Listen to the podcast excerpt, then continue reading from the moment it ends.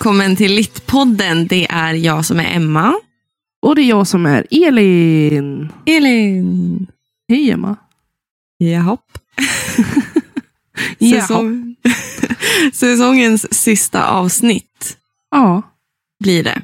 Sen blir det ledigt ett tag till augusti. Ja. Um... Japp. Jag tror att det är välbehövt lite semester. Det tror jag också. Alltså, för fan. Men det gick vi igenom vilket jävla år det var förra avsnittet. Men jag måste bara upprepa mig.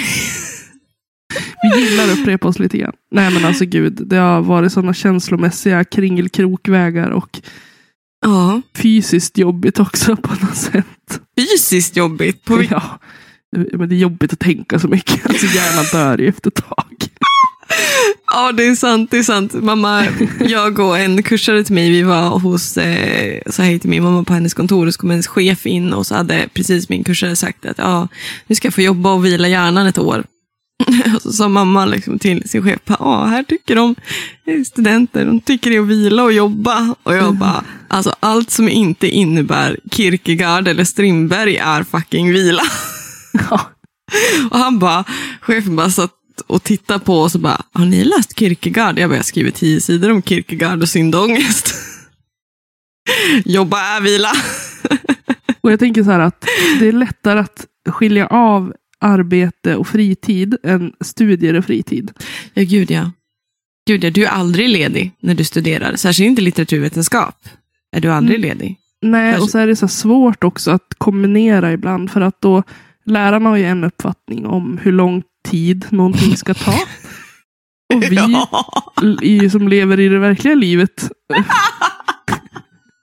förstår att oj, helvete, det här gick ju inte alls som de hade tänkt det. Så att då får jag ju sitta uppe hela helgen, 24 timmar om dygnet för att hinna klart det här.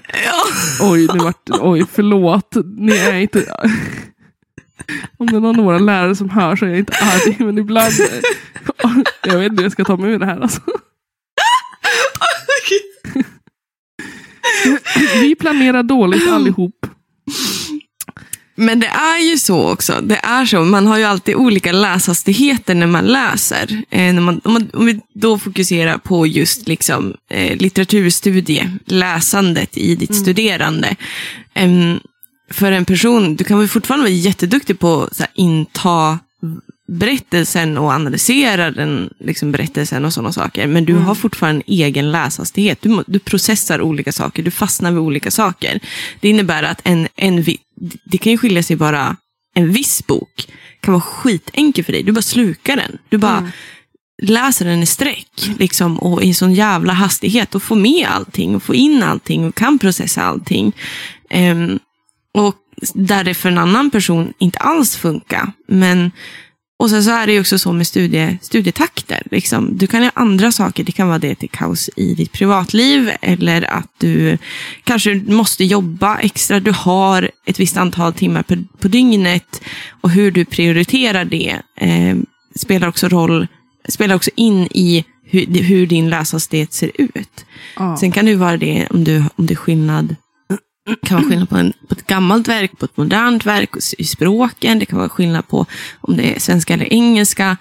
Em, du är alltid ojämn i din läshastighet och din lästakt. Eh, men om du har jobbat med det här ganska länge och hållit på och läst mycket, har en, kanske till och med en strategi för att eh, liksom upprätthålla din läshastighet eller din skrivhastighet, då, då är det ju en annan verklighet för dig. En legitim annan verklighet. Och eftersom det är det du vet och så kanske du som lärare tar ner det ett snäpp då, tänker du, eh, för dina elevers skull. Men eftersom du inte är med i vem den här eleven är så är det alltid jätte, jättesvårt att veta vilken förväntad läshastighet som ska infinna sig. Liksom. Ja. ja, men ibland kan man inte påverka när man kan bara sitta där och vara lite irriterad. Ja, och, och så är det ju också. Det kan ju vara så att det, det kan ju vara på ett vanligt jobb också. En kollega tycker att du borde ringt det där samtalet nu. Men Ja. du vet att det här samtalet kommer dränera mig på energi och jag har inte den energin. Ja, då kommer jag dra ut på det. Och då får, det, då får det ta lite längre tid helt enkelt. Mm. tid är alltid begränsat och tid är alltid flexibelt. Om man Mm. säger så. Eh, ta det i sin egen tid är det viktigaste. Och sen också vara tydlig med att min tid ser annorlunda ut än din tid. Det betyder inte att min tid är värd mer eller mindre.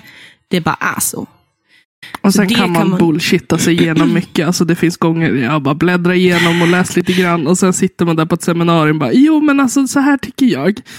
Ja, men alltså verkligen. Alltså, verkligen. Jag har spenderat seminarium där jag har, när andra har pratat, har jag suttit och läst texten. Och sen Man sagt hittar någonting. små knep. Men man gör ju det. Det, är liksom, man försöker, och det kan ju ha, det är olika för alla. En person behöver läsa en text två gånger. En person Ja. behöver bara läsa den en gång. Det är Ja. olika. Alltid olika hur man studerar och hur man arbetar på. På det sättet. Eh, inget fel med det så länge man gör jobbet och gör sitt bästa. Helt enkelt. Ehm, och det är ju alltid upp till dig vad ditt bästa är. Ja. Men absolut, jag kan ändå tycka att det är legitimt att bli irriterad på att det finns en förväntan på en högre nivå än vad som är mänskligt hälsosamt. Många gånger. På universitetet generellt. Nu kan jag tala för att jag har gått på flera olika institutioner också. Det gäller inte liksom en specifik institution eller en specifik, specifik del av universitetet. Universitetet har en riktigt märklig, ohälsosam hög förväntan på, på studenter. Så är det. På olika sätt. På olika sätt. Mm. Men det var inte det vi skulle prata om, utan jag ville bara fråga lite snabbt hur du mår. Alltså jag, just, jag sa till Emma när eh, vi sitter ju som vanligt via Zoom. Ja. Och jag sa när Emma kom hit, alltså, du får ursäkta att jag ser ut som skit. Men jag mår lite skit just nu. Och jag svarade med att det är okej, same. Ja. Eh, för att jag känner att jag nog börjar bli lite förkyld. Och det är så svårt att veta just nu också för att det är så mycket pollen. Ja, Vad är förkylning och vad är Ja. pollen? ja, men-. Ja, när jag känner rent kroppsligt att min tid börjar rinna. Oj, vad mörkt. Det var för jävla mörkt, Elin. Men fair enough. Man känner som att, ah, åh gud, häl hälsa alla jag älskar nu. I will let it go. Det finns två olika sorters small deaths, om man säger så. Mm.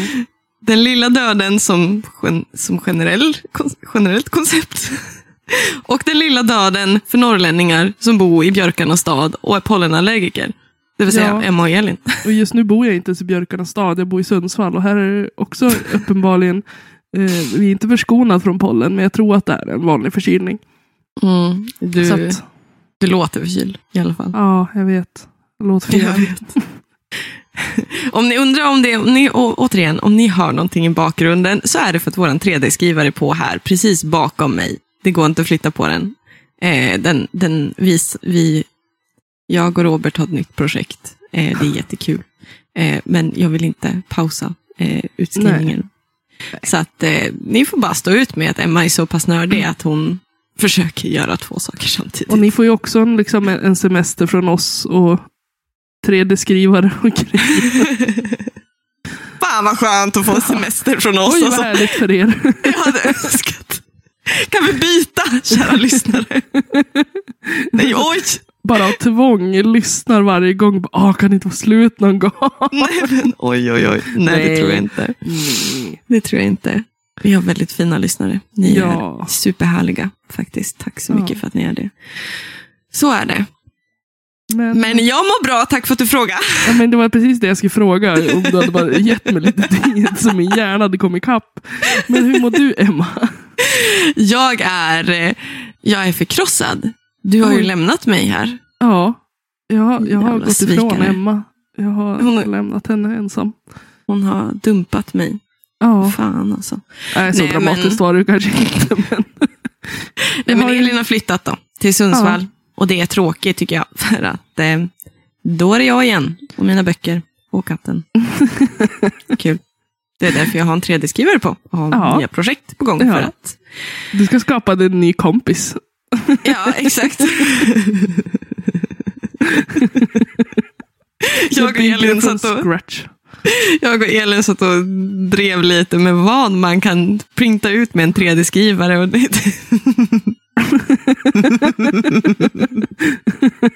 Man säger så här. där nu. Man säger så här.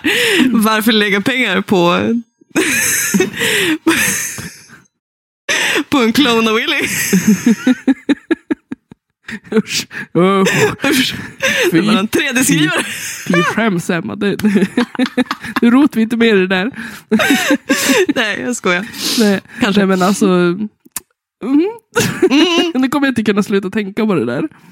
Nej, men det är bra med mig, förutom att Elin inte är här. Charlotte är tillbaka från Sydafrika, ska stanna några veckor. Ehm, Det är fantastiskt härligt. Det är midsommar i veckan och jag ska iväg och klättra. Min vanliga midsommarklättring, jag är jättetaggad och ehm, jag läser mycket, jobbar typ ingenting. Eh, vilket är jätte, det fuckar med mitt huvud totalt. Men jag istället har ju tillsammans med några kursare från nu masterprogrammet startat en bokcirkel. Eh, mm, en Sarah G. Maas-klubb. Ja, det är klart ni har. Det är klart vi har! Fan, hur gick det här till? Alltså jag är helt... I'm baffled. Alltså jag har ingen aning hur det här gick till. Eh, jag är skittaggad på det. Liksom förbenat sitter jag där på ett café och planerar bokcirkel. Så det är ju intressant, om man säger så. Eh, och ja, men alltså livet är rent generellt bra.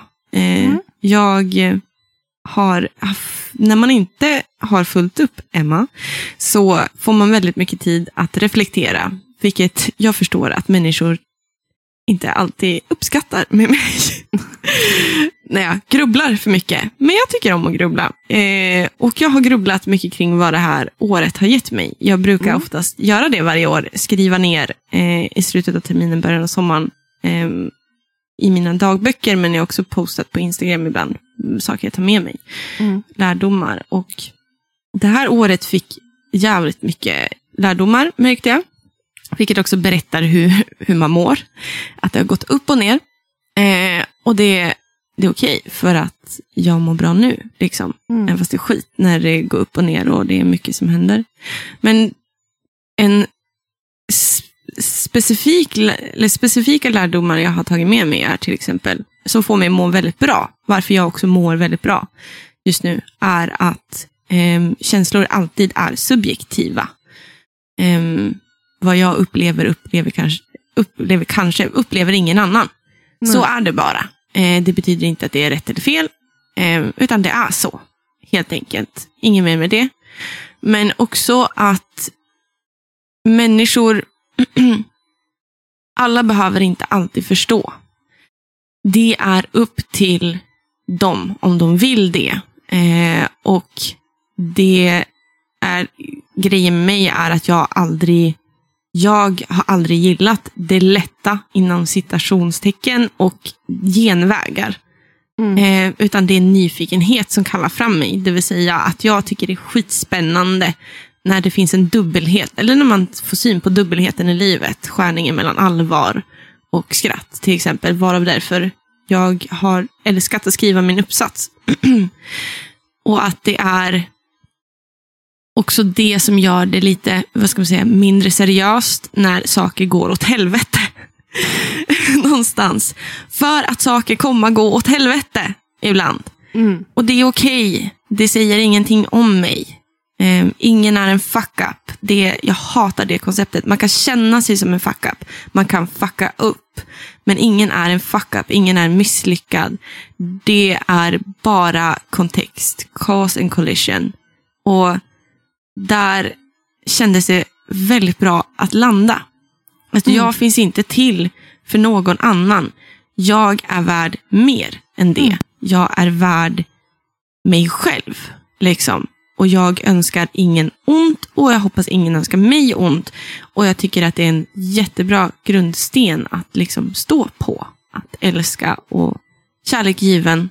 Eh, liksom, att man ska veta det. Att kärlek given är aldrig given i förgäves Nej.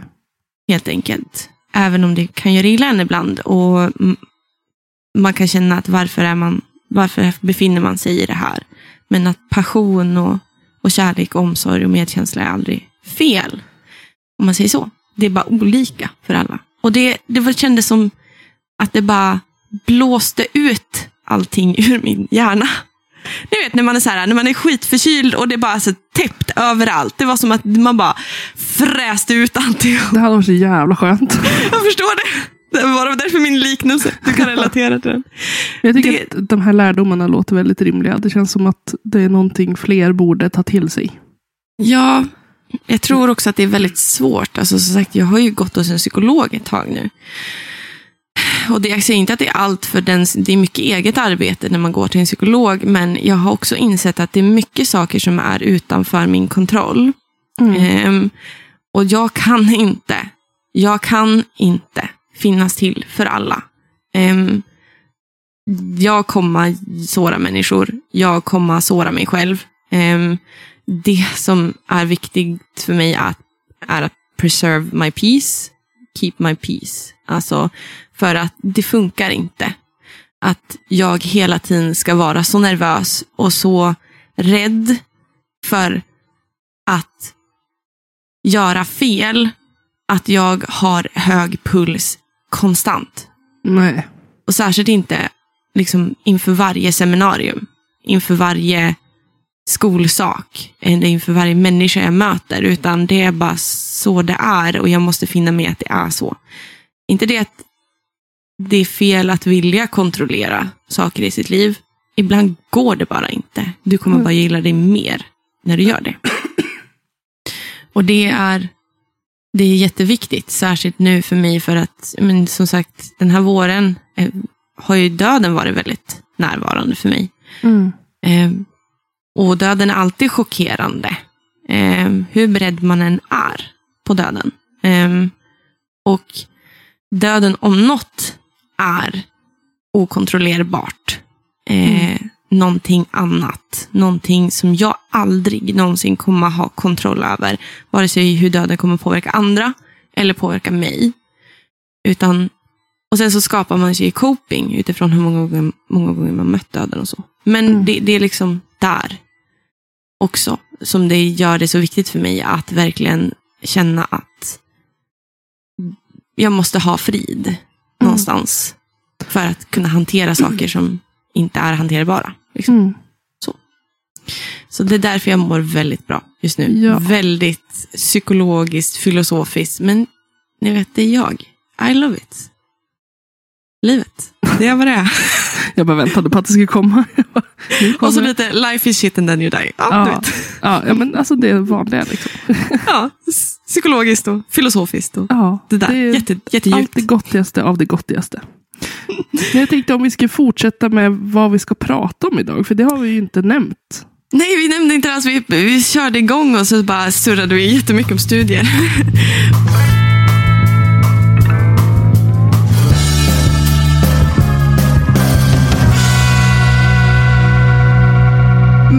Idag så, vi fick ju ett tips av en av er där ute i etern om att det är faktiskt dags att ta tag i norrländsk litteratur.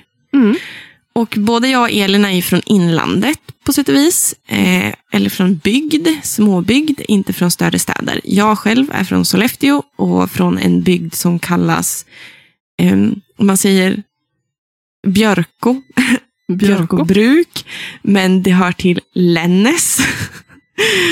och det är en, en by, en by, en by helt En by, enkelt. en by, en by. Ja, men jag, jag kan förstå det. Ja, exakt. Och jag är från en by utanför Sundsvall som heter Holm. Mm. Och vi är ju båda från Västernorrland. Yes, vi är från Ångermanland om man säger så. Nej, Eh. du är från Ångermanland. Jag är från Medelpad. Just det, fan. Just det, det är ni, ni är de där låtsas-norrlänningarna ja. Precis ja. Nej, Vad kallar du låtsas norrlänning? ursäkta. Hacka inte på min dialekt nu. Ehm, nej, du, jag är från Ångermanland. Jag är också från då Sollefteå som är hjärtat i Ådalen brukar man säga. Mm. Eh, det är ju liksom Sollefteå, Kramfors-ish och sen så inåt landet mer. Ehm, och vi har ju ett ganska stort och färgsprakande kulturellt och litterärt liv eh, i Sollefteå. Det är en väldigt liten stad och byarna är väldigt små, men vi har också mycket, mycket, mycket kultur och väldigt mycket fokus på kultur har det varit där. Ni som kanske gillar eh, festivaler och sånt kanske vet vad Urkult är eh, ute i Näsåker. Eh, det är en festival med mycket, mycket, mycket kulturfokus. Också fantastiskt. Det är jättemysigt, så att säga. Mm, Mycket droger också. Men vi behöver inte fundera på varför man vet det, utan bara gå vidare. Det är, det är vida känt. Det är vida att känt. det är mycket, mycket droger på Urkult. Jag har aldrig varit där för att I'm a good girl. What the fuck? Oj, Yeah, ljög liar, liar, pants on fire. Men som sagt, Sollefteå är ett väldigt rikt kulturutbud och ehm, jag tänkte faktiskt börja ta tag i det här med eh, Norrlandslitteraturen då. Och då har jag två specifika författare Mm. som, som har gjort ganska stort avtramp i mig. Men jag tror också runt nationellt på sätt och vis. Mm, vi har delvis Pelle Molin. Han är en av de mer kända författarna och konstnärerna från Sollefteå. Han eh, är uppvuxen i, någon, i ett ställe som heter Multro, eller Multro församling, vilket ligger typ gräns, alltså granne med mina kusiner. Liksom. Eh, och bara någon mil ifrån mitt barndomshem. Eh, men han dog 1896, 31 år gammal i Bode, Norge, tror jag. Han var författare, konstnär och journalist. Ehm, och faktiskt en av hembygds, eller hembygdsgården ehm, som min farmor alltid har jobbat på, där har de faktiskt bevarat hela hans, hans hem, hans hus. Så att man kan gå in där och titta på delvis hans tavlor, men också hans kontor. Och det är väldigt, väldigt fint. Väldigt så här, typiskt norrländskt inlandsstughus. Jätte, jättemysigt. Um, men jag tycker han är cool. Han skrev en bok som jag kommer läsa en liten text ur sen som heter eh, Ådalens poesi. Eh, helt enkelt. Och det är en bok som är uppbyggd av tre, nej inte tre noveller, flera noveller. Eh, inte alla handlar om Ådalen. Eh, det finns en som heter Kungen i Jorm som jag tycker väldigt mycket om. Men eh, den har Jorm har inte så mycket med Ådalen att göra. Eller Sollefteå, utan det har ju mer med Jämtland att göra. Ehm, men sen så har han också en dikt som heter, eh, vad heter det? Gamla Ådalen. Helt enkelt. Som är Mm. fantastisk. Ehm, men det är också en postum utgivning, tyvärr. Ehm, det är också den han är mest känd för. Men jag tycker Pelle Molin är lite rolig för att jag fick sån jävla igenkänning när jag försökte så här, man kommer ihåg lite om det, man har förhört berättat. Liksom. Mm. Som sagt, jag har vuxit upp i, liksom, runt om hans eh, hem. Liksom så. Och som sagt, min farmor pratar mycket om Pelle Molin och sådana saker och min mamma och pappa också. Men han, eh, jag var tvungen att kolla upp han lite och jag älskar den här beskrivningen. Han, att han kom in på Konstakademin i Stockholm och deltog i undervisningen fram till 1889. Men han räknades som en mycket nyckfull elev som arbetade högst sporadiskt och som ofta kom i konflikt med sina Lilla lärare. Pelle. Lilla Pelle. Men Pelle! Men officiellt uppflyttades han till en högre klass, men med vissa studievillkor. Och sen så sökte han sig tillbaka till hembygden då, och hans mor var visst uppvuxen i Näsåker. Mm. Och så säger de att den vackra naturen och nära kontakten med vardagen gav honom inspiration till ett flertal litterära produkter som betydande konstverk. Eh, och jag måste säga det att hans landskapsmålningar är amazing. Eh, Mm. De ställdes också ut 1897 faktiskt. Ehm, och det var, alltså de är riktigt, riktigt fina. Eh, men Pelle Molin har ett väldigt, väldigt speciellt språk och jag har vuxit upp med en speciell del från hans eh, Ådalens poesibok. Eh, för att det finns ju sådana här planscher som är av tyg, som jag fortfarande inte kommer ihåg vad fan det heter. Eh, men det, det är delar från den här, en, en text jag ska läsa här, ett, några citat. Eh, som jag har vuxit upp med, som har hängt på väggen hela min barndom, som jag alltid har älskat. Och det är just frasen, detta är då Ådalen, Guds verk, då han på samma gång log och vredgades. Mm. Och sen så fortsätter det beskriva landskap och natur. Så jag tänkte bara för att jag älskar den här delen så får ni så här bear with me. Alltså ni får stå ut med att jag läser en, en lång del. Men det är så jävla vacker naturbeskrivning av min hemtrakt. Min, min bygd, liksom. Kör. Ja, kör nu Emma. få in den här norrländskan. Det är Ådalen Guds verk, då han på samma gång log och vredgades. Detta är Ådalen, stämningarnas Ådal, laxens Ådal, sagornas Lund, sommardagens Ådal med kärvhet i färgen, sommarnattens väna skönhet, då södra bergen är och violetta, i gult och det norra i grönt och svart. Högvattnets land med vatten i virvlar och edor, lågvattnets med slipade stenars gässor i ljuset.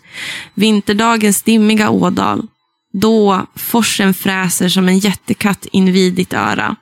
Den viskar om mycket ännu, denna jordremsa vid det mörka rinnande vattnet. Detta är Ådalen. Sannerligen, sannerligen det fagraste land. Allt detta detta är min ådal, mitt sagoskrin, min kärlek och min skräck. Till hur man längtar över bergen håller det fast som en mara. Varje ny skönhet som upptäckes, varje historia en hålhake på den som annars hade tänkt sig livet annorlunda. En på samma fläck i passiv till bedjan av det som fängslat öga och öra. Alltså jag älskar den här grejen. För alltså jag kan relatera mitt känsloliv till Ådalen. Så är det bara. Alltså jag relaterar mitt känsloliv till eh, Ådalens toppar och dalar. Mm. Och det är liksom så här. eh, Det är det fagraste. Alltså ni förstår inte. Jag, jag kan inte beskriva hur vackert Ådalen är. Hur vackert inlandet där runt Sollefteå är. Mm. Det är liksom det får mitt hjärta att darra varenda gång jag åker hem. Mm. Och det finns... Vad vad tänkte Nej, du men säga? jag tänker just en central del i Norrlands litteratur är ju också fokuset på miljön.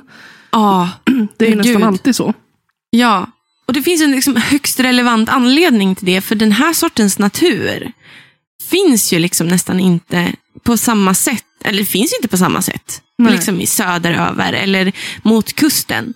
Kusten har ju sitt vackra också. Höga kusten till exempel är ju fantastiskt vackert. Men, men det är någonting med just Ådalen och inlandet av Norrland som bara är, det är mörka skogar.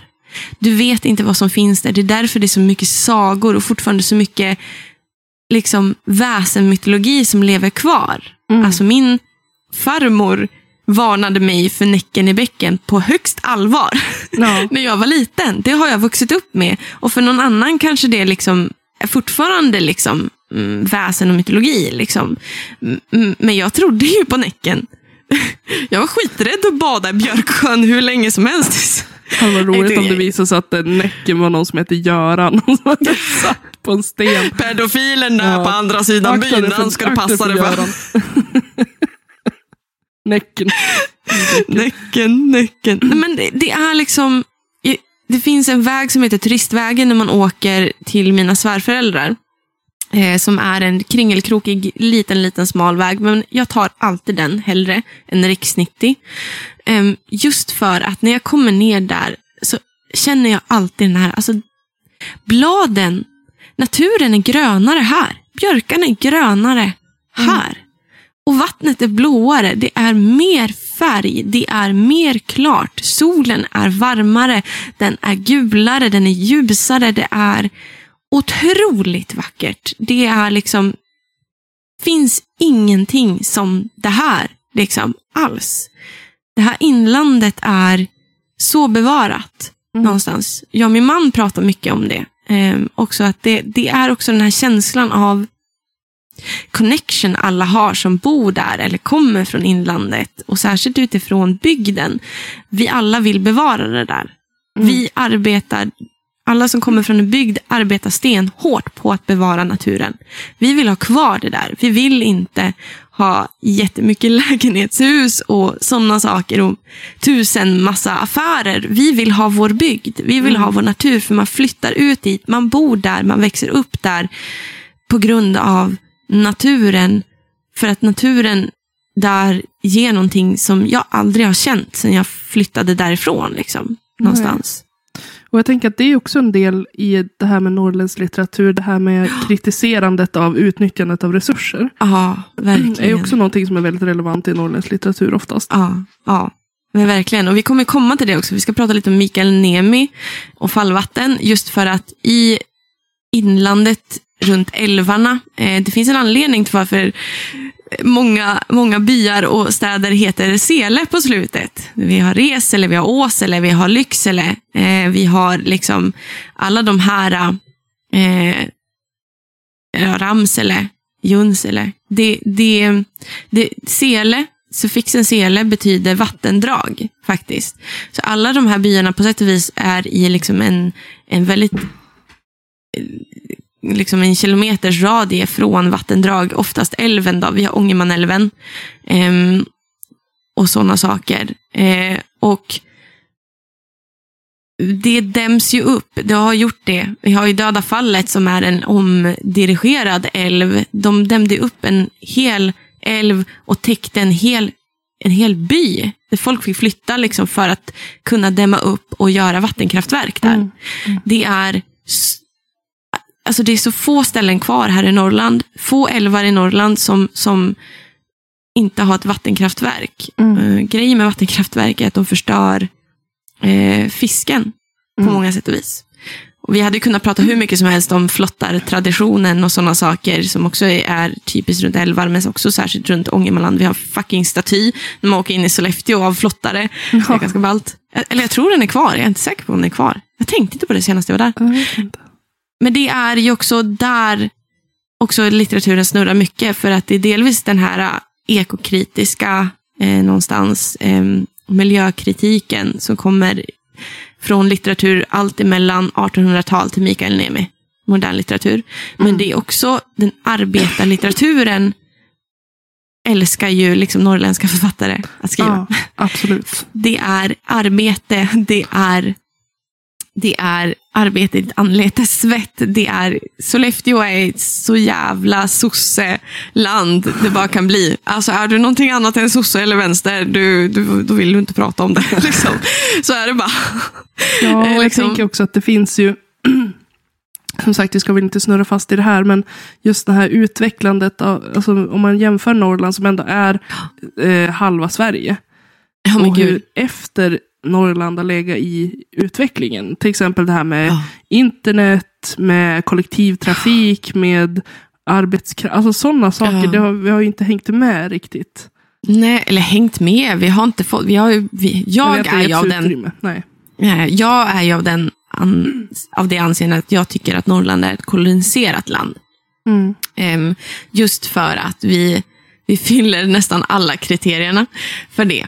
Um, och det är så tragiskt också, för det innebär också avveckling för mm. oss idag. Um, vi, du och jag har ju pratat väldigt mycket om det här när BB i Sollefteå stängde ner, vilket ja. är sinnessjukt. Och jag, jag, då kan jag brinna av totalt. Alltså, ja. kommer någon att ha en annan åsikt än mig, alltså snyting, rak höger, tyvärr. Mm. Det, är så, det, det är så många av mina gamla eh, skolkompisar som har fått föda på riktigt mitt ute i en skog. Mm. För att det inte finns ett BB tillgängligt inom den tidsram de har. Mm. Vilket är, det, det är livsfarligt. Det är helt galet. Mm. Det är helt galet. Och den avvecklingen av liksom skolor. Vilket mm. också innebär att det är liksom den här generella eh, fördomen man har kring norrlänningar delvis för att jag kan tycka att människor är ignoranta och dum i huvudet. För de brukar basera det på att man pratar lite sävligt när man pratar norrländska. Mm. Vilket man också gör. Men då anser man, anses man också vara lite dummare. Um, den, den blir ju nästan en självuppfyllande profetia nu. För vi avvecklar skolorna i mm. inlandet. Liksom, barn orkar inte gå i skolan för de måste åka fucking fyra mil ibland. Mm. För det. Det är helt sinnessjukt. Ja. Och det, det blir inskränkt på ett helt ny nivå som är så orättvist, tycker jag. Och ni hör ju, jag är en sån jävla, jag är en sån jävla Norrlandspatriot. Alltså ja, ni förstår inte. Jag också, det är bara det att så fort jag pratar så börjar jag hosta. Så därför säger jag inte så jättemycket just nu. Men, nej, men jag håller verkligen med att när man kommer från en glesbygd så känner mm. man oftast att allting är emot en. Ja. Inte bara det här med skola, arbete, kollektivtrafik till exempel, men också fritid. Det ja. ges inte samma möjligheter till en, en viss typ av fritid, för att då, då krävs Nej, det att du ska kunna ta dig dit själv. Mm. Det är väldigt svårt. Men det finns väldigt mycket, mycket positivt med att leva i en glesbygd också. Mm. Mm. Men jag önskar att man ibland tänkte mer på glesbygdsbefolkningen. För alla kan inte bo i städer. Det går inte. Nej.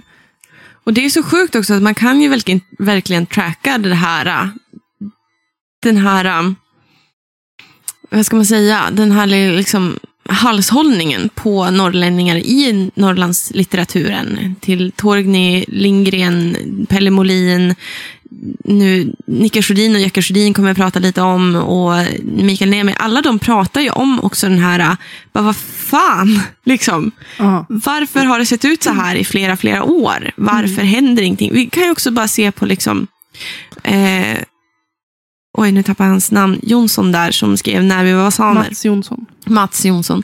Ehm, också den här liksom behandlingen av minoritetsbefolkningen i Norrland. Vi har ju vuxit upp, jag har ju vuxit upp liksom, granne med samer. Liksom, Ja. och renskötseln. Man har en respekt för dem, men som inte resten av Sverige visar. För att de lever inte med dem på samma sätt som vi gör. Nej. Så Nej. jävla fakt. Och ändå jävla finns det också en utbredd rasism eh, Ah. mot samer här i Norrland också. Det ska Ah, man inte fan. himla med. Alltså det, Nej. det är väldigt utbrett. Det är en väldigt utsatt Otroligt. grupp. Otroligt, otroligt. Alltså, vi kan bara se när de började döpa om Sápmi, som förut hette Lappland, och började döpa om städerna där. Och, eller lägga till de riktiga namnen, de samiska namnen. Mm. Och hur liksom, människor bara gick och slet ner skyltar. Ja. För det är sån jävla rasism. Alltså, jag kan ju höra folk runt omkring, särskilt den äldre generationen, kan jag höra snacka så jävla mycket skit om Ja. samer. Och jag kan bli så här, vet du vad? Gå och dö då. Gör det, gubbjävel. Eller kärringjävel. Kan dra åt helvete och stanna där. Ja. Det är bara skönt. Jobbigt för mig, för jag kommer ju säkert dit också. Men Du kommer ju aldrig bli en rasist. jag kommer aldrig någonsin bli en rasist. Det är... Alltså man är ju på sätt och vis alltid, man är ju indoktrinerad i det vita samhället. Och det västerländska samhället i det här, de här strukturerna och hierarkierna. Man kan vara liksom, så är det bara. Jag är till viss del rasist för att det är i den kulturen jag har vuxit upp. Eh, jag försöker arbeta emot det så jävla hårt jag kan. Alla de här inskränkta fördomarna, som är vidriga beteendet och äckliga åsikterna kan dra åt helvete. Alla är jämställda, alla är människor, alla är värda att älskas. Och nu blir jag så jävla arg för att vi börjar prata om rasism. Då kanske vi ska göra så här att vi, vi backar tillbaka och går tillbaka Ja. till ditt, ditt sista verk. Mitt sista verk. Vi, vi går vidare från mm, Pelle Molin. Då. Han är ju en 1800-talsförfattare, men då går vi till modernare författare. Eh, Nicke Sjödin. Dock dog han 2009, eh, den 8 april 2009. Och jag har boken an, på Annerskia. Eh, jag har också läst boken eh, Åta baka. I alla fall, Nicke Sjödin är cool. Eh, han är också en sån här eh, himla litteraturgud eh, från mitt hem. Just för att han har skrivit på annersia, har han skrivit på mål. Närmare bestämt rödmål. Och där är min släkt ifrån. Hela i generation. Och det är också jätteintressant hur, hur språk fungerar i inlandet. Vi har ju snarare mål än dialekter. Mål är mer eh, från by till by och kan skilja sig från hus till hus. Eh, Medan dialekter är lite mer utbrett med variationer, helt enkelt. Eh, Medan mål kan vara, låta helt jävla annorlunda. Man kan ha ord som ingen annan har. Jag vet ju att där Robert är ifrån, då, i reselmålet kan man säga saker som det gnupaka öra och då att det är surt och syrligt, nyp till bakom örat när någonting är surt och syrligt eller jättesött. Um, vilket inte rödmålet tror jag har. Eh, jag har inte hört det förrän jag träffade Roberts farfar, eh, faktiskt. Men Nicke Sjödin har skrivit en på Annerskia helt på rödmål och det är det, det mål jag har vuxit upp med. Det är vad min farmor och min farfar pratar. Det är också eh, saker som vi, eh, alltså mamma och pappa har pratat med mig. Eh, och han, som sagt, ehm, eller som sagt, eh, Nicke Sjödin växte upp i Röån. Eh, han har inte alltid bott i Rön, han har också bott eh, tror jag, en stund i Stockholm också, jag är osäker. Um, och han har en son som heter Jacke Sjödin som fortfarande han lever idag och han är en liten spjuver på YouTube tror jag. faktiskt och gör lite sketcher och sådana saker. Och väldigt också mycket så här samhällskritik och sådana saker och miljökritik. Um, det jag tycker om med Nicke Sjödin är att han, det han råkar, råkar, det han fångar med det här mål, att skriva på mål, är också hur otroligt, hur otrolig samhörighet man känner. Och hur viktigt det är med språk där. Mm. Liksom, jag älskar på Anna för att det är min farmor. Mm. Det är min farmor. Så är det bara. Och jag älskar min farmor över allt annat. Och min farfar. De är några av de viktigaste personerna i mitt liv. Det är som att när man var liten hade man kompisar så kunde man prata rövarspråket. Man hade sitt eget lilla språk. Liksom, som ingen annan förstår. Mm. Tyvärr så har jag tappat väldigt mycket mål och dialekt. Ehm, delvis för att jag bott i Umeå ett tag, men också för att min, mitt, mitt framtida yrke krävde det av mig, att jag skulle göra mig förstådd. Så att jag la ganska mycket undan det, no- det grövsta av det norrländska, liksom, Mm. helt enkelt, tyvärr. Men ja, det finns på Anergia. På första sidan finns det som lite beskrivningar och lite så grammatiska förklaringar. Ehm, helt enkelt. Några ord är ju liksom välkänt för dialekter i Norrland ehm, med olika variationer är ju det att man har A före kvinnonamn, Ahulda, A Eva och en före mansnamn, en Hugo, en Otto. I objektsform används även denna teknik. Ja, jag såg A, jag såg en. Eh, I subjektsform heter det dock som i rikssvenskan, hon och han. E betyder för det mesta en, ett, även ena, stor är pojke, pojka. Eh, och i en lustig användning, inte. Inte såg jag det. Mm. Och det, det, det är också någonting som skiljer sig mellan din och min dialekt. Nej, Men för vi säger det olika. Inte såg jag det. Ja, precis. Jag säger det. Det. Jag säger Det det. är mer ett hack. Ja. Ja, men det, ja, precis. Men det kan också bero på person till person kanske. Ja. Helt enkelt. För jag vet ju att min mormor säger inte på samma sätt som jag säger det. Nej. Så är det ju. Eh, sen har han lagt till apostrofanvändning i den här boken också för att eh, markera att han tar bort suffixen. Eh, eller tar bort eh, mitten av ord, typ båten istället för Mm. båten. typ.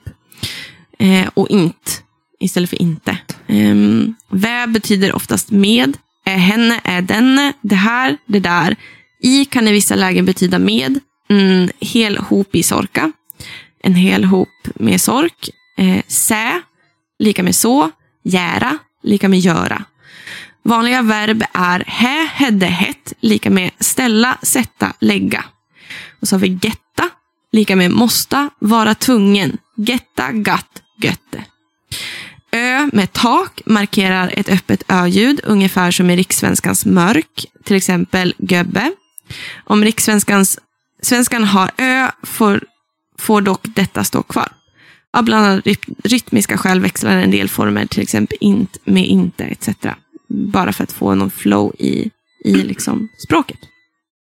Men jag har en dikt som heter på Anarkia. Den är lite lång.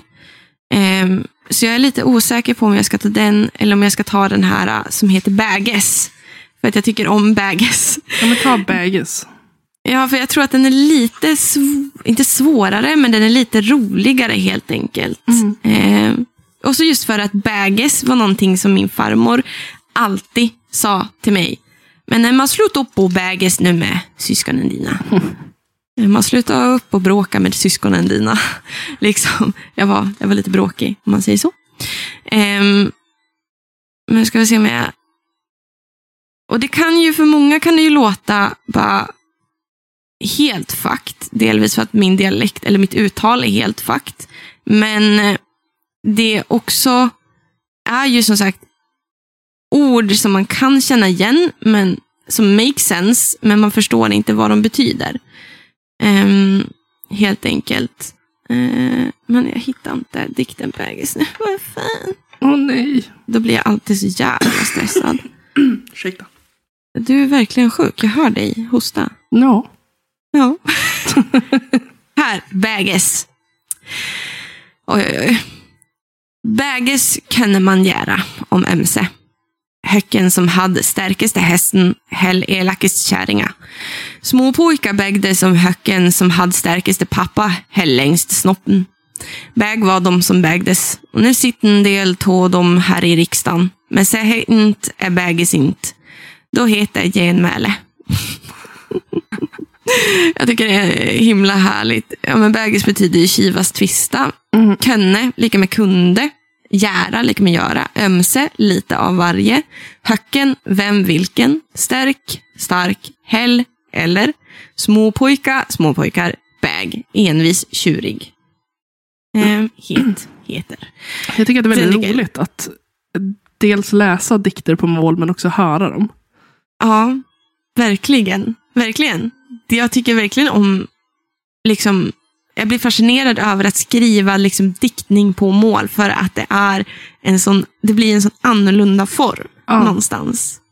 Det är rimmar väldigt men inte rimmar. Det liksom är en takt men det är ingen takt. Typ. Ja. Men den där handlar ju mest om att han, han menar hur man, man bråkar. Det gör man ju. Eh, men nu tyckte han att äh, de flesta av de här skitarna, de sitter ju oftast nu i riksdagen. Ja. Är lite kul tycker jag. Ehm. mäter. Snoppmätning. Ja, Typiskt manligt tänker jag. ja typiskt manligt. Det var kul också just att små pojkar, inte små flickor. Ja. Ehm, men han har en dikt, en av de kändaste dikterna också, vad boken är döpt efter, heter På anergia. Anergia betyder på andra sidan och det har en dubbelhet i sin, betyd, eh, liksom i sin beskrivning eller i sin betydelse. Det är på andra sidan, eller på anergia betyder det också när man pratar om himlen, när någon har gått bort. På anergia kan vara på energiån, Mm. alltså andra sidan ån. Eh, en å är typ som en mindre, eller en större bäck helt enkelt. Mm. Jag vet att i vissa ganska långt ner söderut så säger man inte å. Så för er göteborgare där nere, jag har inte övergett er, om man säger så. Men på Anergia, ska jag läsa lite kort. Eh, på Anergia om ån, Sörsia, hade jag mina kamrater. Himme hade jag ju inte någon samåldring. Det var Bergag. För de två syskonen som död innan de var en vecka gammal kan man ju inte räkna. Men på Anergia fanns de tre stycken. En Bengt, och en Stig och en Helge. Åh, vad roligt det var då de kom med och hälsade på. Jag gömde message där så att de inte skulle kunna gå hem. En Bengt var duktig att göra trälastbilar. Eh, en Stig kunde spela dragspel och sjunga på balkongen. Och en Helge var fenomenal på att kasta slägga fast hon var himgjord på e klocklo och en höbonsträng. Och jag sagt. Ge på Anergia. Nu är vi gammal. Men jag hoppas få åka på J på Anergia. Det avslutar hela Nicke Sjödins diktbok helt enkelt. Mm. Och då menar han ju på att dubbelheten har att göra med att ni mina vänner på Anergia, ni har alltid varit på andra sidan. Mm. Ni var på andra sidan ån när vi var små. Och nu är ni på andra sidan. Nu är ni bortgångna. Och jag hoppas att jag får åka på er där. Mm. Jättefint. Jättefin diktsamling. Och eh, jag vet inte om det går att få tag i den om någon vill ha den.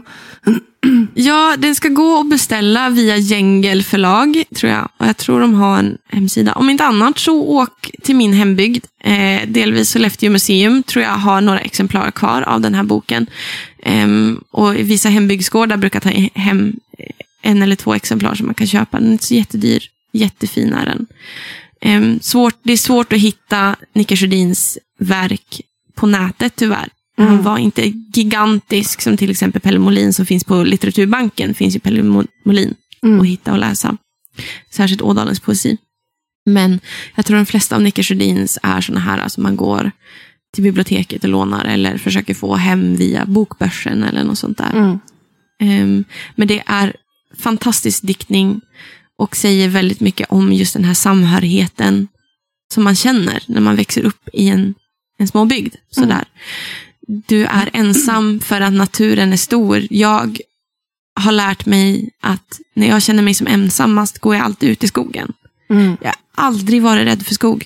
Jag kommer ihåg när jag var liten, då kunde jag gå ut, rakt ut i skogen och var kolsvart. Nu hade vi björnar där uppe och älgar, men jag var aldrig rädd.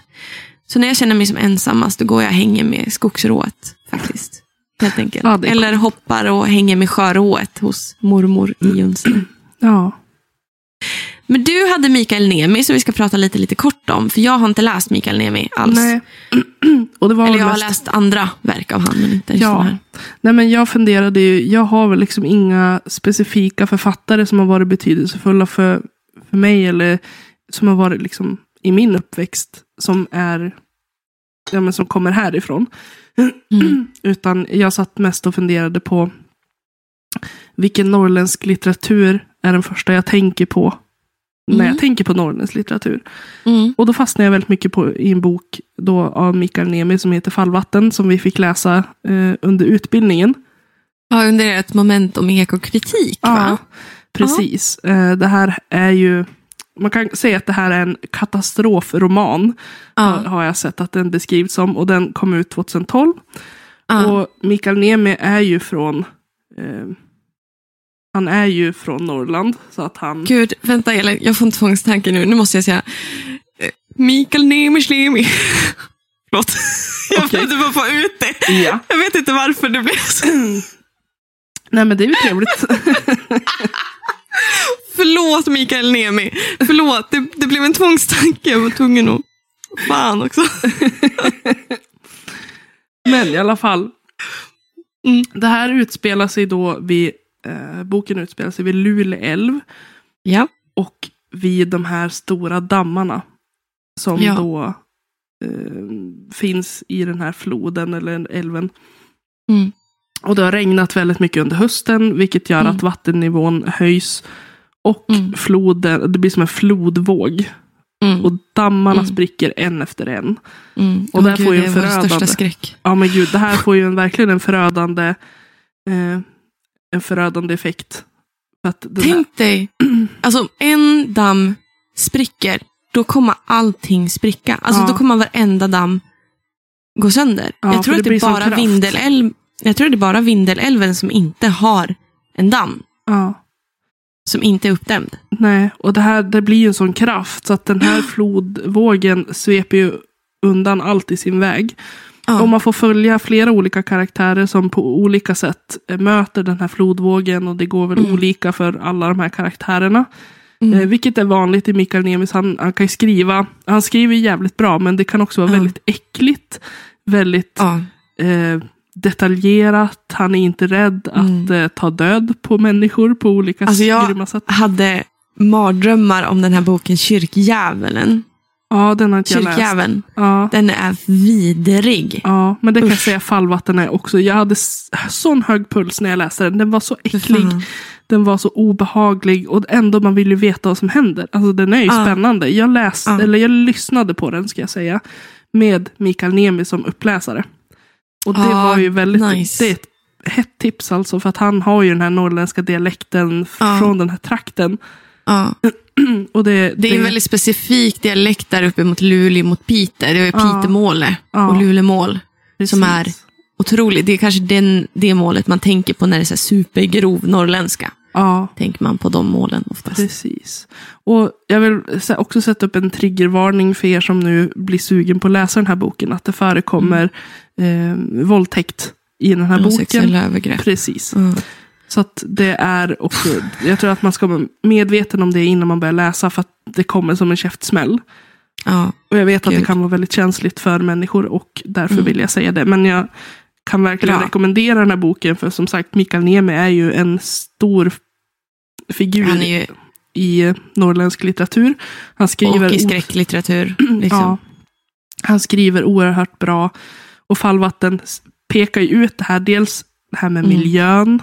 Mm. den, alltså hur miljön kan, dels kan den vara väldigt vacker men den kan också bli oerhört farlig. Mm. Mm. Eh, problematisering, alltså det här med utnyttjandet av resurser har vi där också. Ja. Eh, kan man tämja älvens krafter, när säger Moder Jord stopp liksom? ja, och lite det här också, det, det, blir på bekostnad av oss. Ja. Är han ju noga med att peka ut. Tycker jag. Det, det har ju alltid varit, när man läst populär musik från Vittula och Kyrkjäveln till exempel, det har alltid varit att han på sätt och vis lite subfint konstaterar att norrlänningars livssituationer och samhällssituationer är på liksom, det är Stockholms fel. Lite liksom så här, Ja, och Lite så. så. så. enkelt är det väl inte heller, Nej. tänker jag. Det är väldigt Nej. komplicerat. Men just det att människan ska försöka tämja naturen och naturen slår Mm. tillbaka. mm, Det, är, mm. det här är ju en dystopisk roman. Eh, väldigt mörk. Och just att när vattenkraftverken dör, Mm. så dör en stor del av Sveriges energiproduktion. Ja, och att det här drabbar ju inte bara en bygd eller en stad. Det här Nej. dras ju vidare, alltså långt ner. Mm.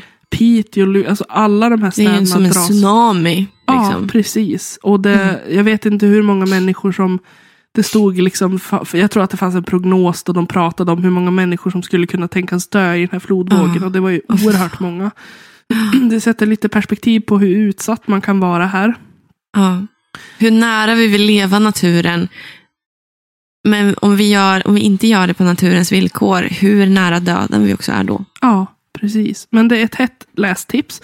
Och sen Mm. vill jag också tipsa om två andra eh, verk som Mm. också har med Norrland att göra. Och den Ja. första är en, en bok av Moa Backe Åstot som var Mm. nominerad för Augustpriset nu sist. Mm. Och boken heter Himlabrand. Ja. Väldigt Och trevlig. du vurmar för den Ja, boken. men jag alltså, jag måste den läsa den snart. För den alltså, är jag, så bra. Den är hbtq+. det bara glittrar om Elin hon pratar Ja. om det. Jag tycker det är så fint. Ja, men det, det rör både hbtq och Ja. den samiska kulturen. Vilket jag Ja. tycker är jätteintressant. För Moa Backe Åsot är ju same. Ehm, och boken handlar om Ante som är hopplöst förälskad i sin bästa kompis Erik. Mm. Och den här känslan av att får jag vara gay? Mm. Får jag gilla någon i samma kön? För det finns en kultur, speciellt bland männen, som eh, inte är eh, det är inte det lättaste att komma ut i hans samhälle. Nej. Så Nej. den boken rekommenderar jag oerhört mycket. Och sen vill jag också rekommendera att läsa Herrarna satte oss hit om tvångsförflyttningen i Sverige. Mm. Och den är skriven av Elin Anna Labba. Ja. Och den berör då tvångsförflyttningen av eh, samiska renskötare Mm. eh, för hundra år sedan. Och hur det Mm. påverkar också. Än idag. Ja, det är en oerhört gripande läsning. Mm. Det, det, Mats Jonsson berör ju det också. ja, Eh, inte just tvångsförflyttningen, men just hur den historiska behandlingen av eh, den samiska befolkningen Ja. påverkar dem idag. Men tänk alla barn som skildes från sina föräldrar som tvingades växa upp utan Mm. sina föräldrar för att de blev Mm. separerade. Det, Ja. man måste lära sig mer om den samiska, eh, om det här, den här tvångsförflyttningen Ja. för att förstå vad svenska regeringen har utsatt samer för. ja. Och liksom i förlängningen också, det är ju inte bara, eller samer har ju som varit mest utsatt, särskilt av regeringen.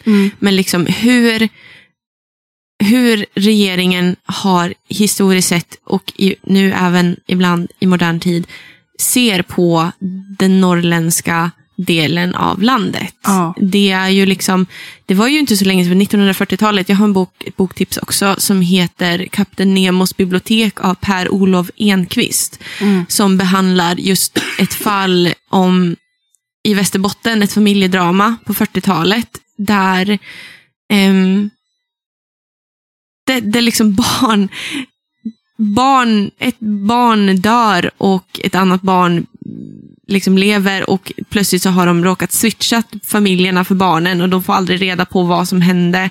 Och ingen, alltså det, sjukvården på 40-talet och sjukvården idag i Sverige och sjukvården särskilt idag i Norrland är under, och det är regeringens fel, kritik. Liksom. Mm.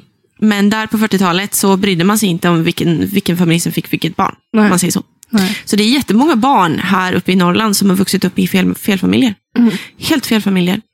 Och liksom familjer som har fått liksom kämpa med det och liksom när de då har återförenats, att det var liksom familjetrauman och sådana saker. Och det är fortfarande idag, alltså det är liksom i, bara förra generationen för oss, många av oss. Mm. Och det här, den här boken behandlar just Västerbotten.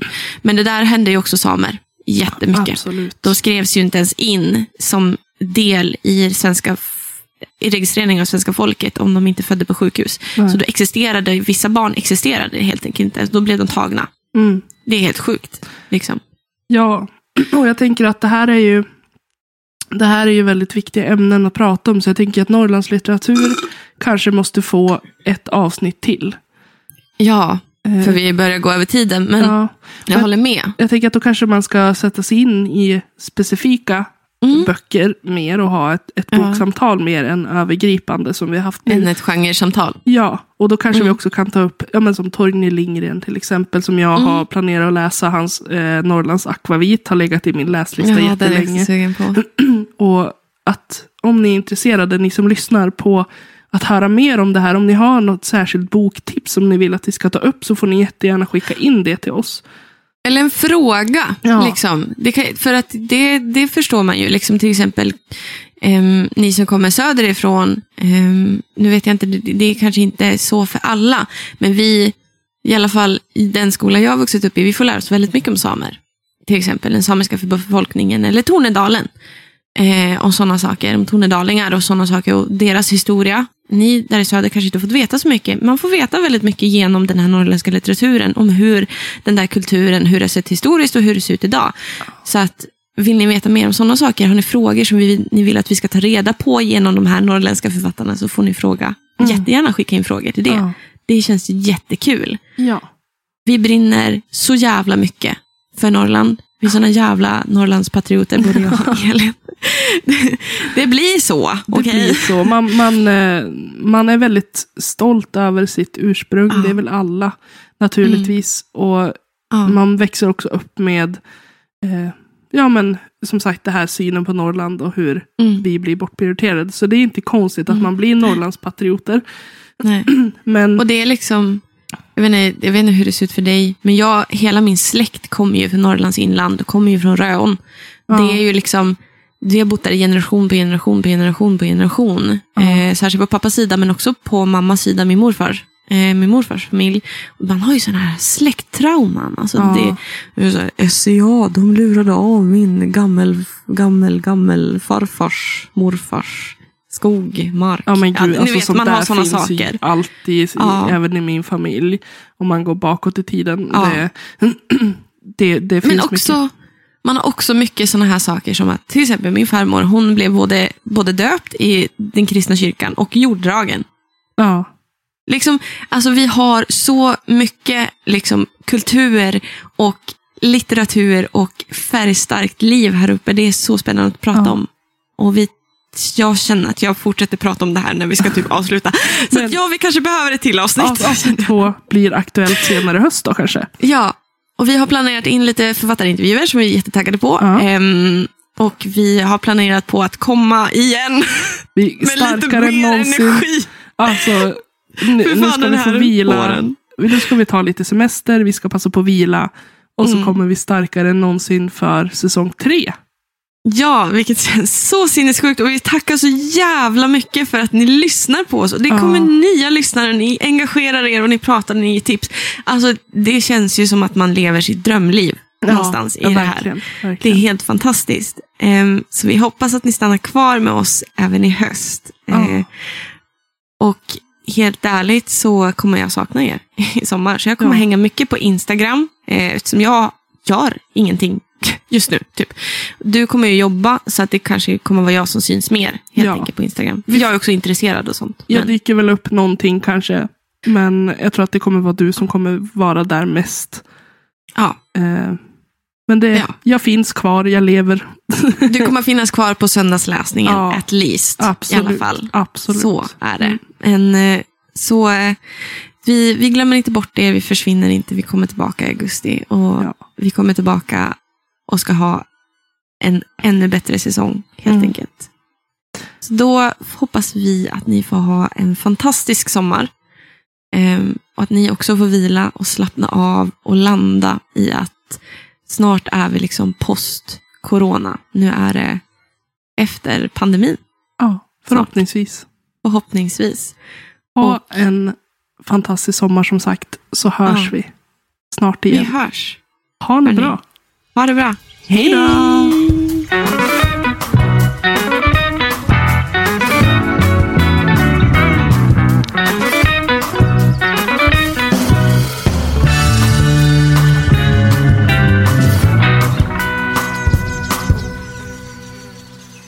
Ni har lyssnat på Littpodden med Elin Oslin och mig, Emma Granholm.